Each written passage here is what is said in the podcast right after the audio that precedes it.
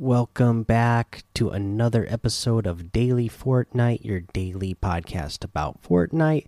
I'm your host, Mikey, aka Mike Daddy, aka Magnificent Mikey. First thing that I want to talk about is competitive Fortnite and future cash tournaments looks like they are still working out the bugs. So these test events, guys, they are important to play.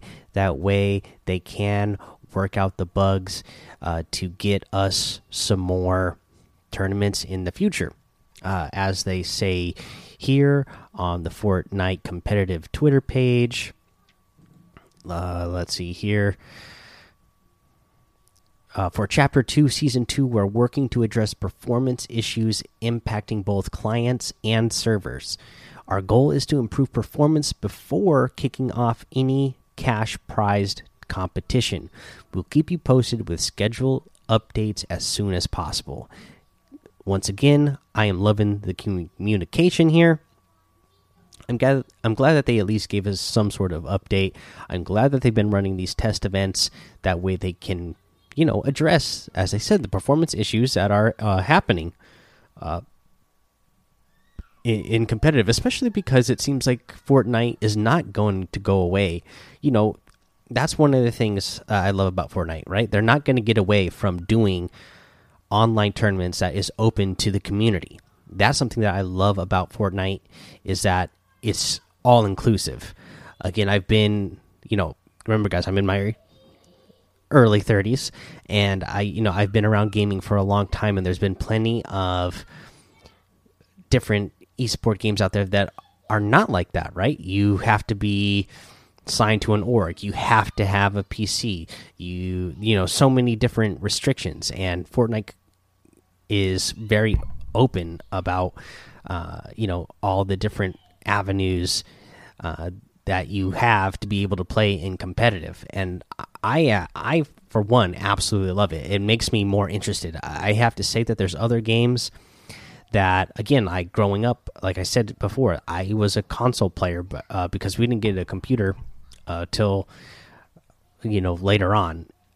And we didn't have i didn't have like a super expensive high end gaming computer growing up that I could play like really good games on and have the best graphics and have the best performance. Uh, so sometimes it, it kind of would turn me off. I'd be like, oh, that's a really cool game, but there's no way I would ever be able to actually compete in it. So uh, I would lose interest. I think the fact that Fortnite keeps it open to everybody and it's something that everybody can uh, play in and you know dream about that keeps it interesting and keeps more people interest in competitive Fortnite longer than other uh, ones. Not, I mean, there's plenty of other esports that the interest has been around for a long time, right? But not as big as Fortnite's. So that's that's what I think on that. Uh, let's see here. Let's go ahead and uh, let you know that there was an update today. Uh, uh a patch, a maintenance patch that was released on Android. Uh, they said we released a maintenance, a maintenance patch on Android that's available to download upon launching or restarting the game. Uh, let's see here. And then, oh, tomorrow. So, hey, everyone, version 12.10 is scheduled for tomorrow. Downtime to begin approximately at 4 a.m. Eastern. So, we will be getting our next update tomorrow. I'm very excited about it. I can't wait to see what we're going to be getting, uh, you know, out of these uh, out of these updates. Uh, let's see here uh, for challenge tip. Let's see here. What's one that I haven't covered? Hide and secret passages in in different mass in different matches. Uh, again, uh, I I noticed I was getting credit when I was using the tunnels to get into the safe houses. Uh, it seems like those are they they count as secret passages, but um, yeah. So use those, and we kind of talked about where those all are. Uh, there's plenty of other ones all around the map. So I mean, you can get them all like around uh, B1, B2 on the islands on the north end over there that are the just south of the shark. there's uh, portals there. There's a couple portals in or the secret passages in Pleasant Park. Uh, one just north of or two just north of Holly Hedges. Uh, a couple that are in the Slurpy Swamp area to the west of Slurpy Swamp, just I guess just northeast of the rig is a good way to say it. M Misty Meadows. There's one on the island just north of Misty Meadows. Uh, from there, uh, the grotto. There's uh, a a tunnel there, and uh, we'll say, oh yeah, the ones that are up uh, by the radio station in F F1, F2, and then a few around the safe house that's next to the gas station in, I guess that's G3, G4, uh, that area there. So, yeah, there you go. There's those challenges. Go get them done.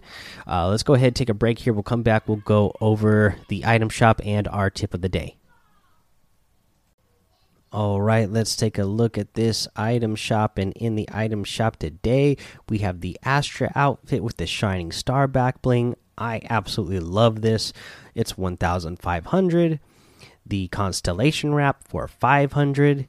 You have the uh, whiteout outfit with the ignition back bling for 1500 one of my favorites uh, let's see here. The overtaker outfit with the lane splitter back bling 1500 again just this whole vanishing point set uh, i was a fan of when originally released and i got them right when they came out. I absolutely love them you have the white squall glider for 1200 and the cyclone glider for 1200 as well. The cryptic outfit with the spectral spine back bling for 1200 the enigma wrap for 500 the cloak star outfit uh, with the darkest edge back bling for 1500 the assault trooper for 800 great one here. The infinite dab emote for 500 another one of my favorites the studded axe harvesting tool for 800 the work it emote for 500 gotta love this one. Yes, and the new Phew emote for 200. I was almost worried for a second, uh, and it's you know just the your your character uh, wiping a little bit of sweat from their forehead and saying "whew." And of course, uh, you still have that uh, starter pack in here as well. But you can get any of the rest of these items using code Mike Daddy M M M I K E D A D D Y in the item shop. And if you do, some of the proceeds will go to help support this show, and I will really appreciate it. Now we have our tip of the day.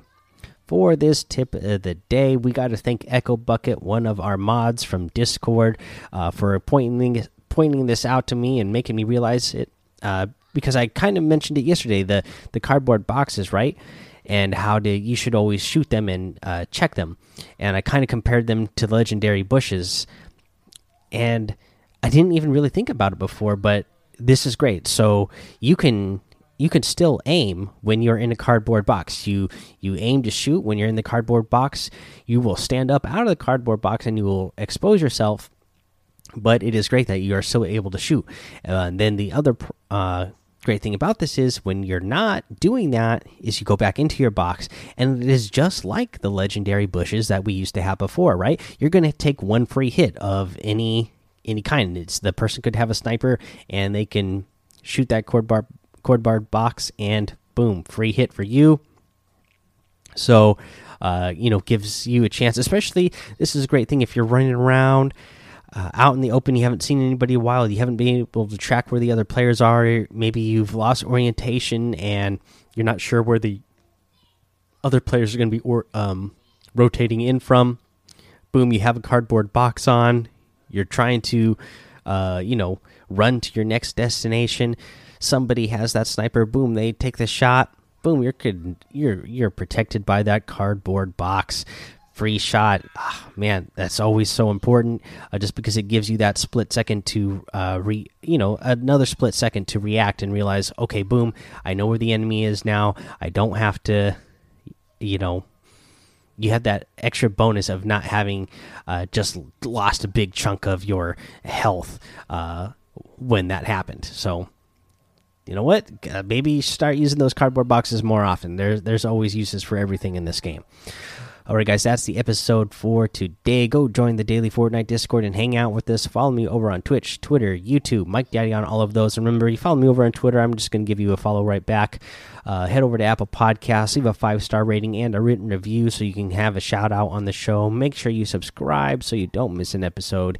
And until next time, have fun, be safe, and don't get lost in the storm.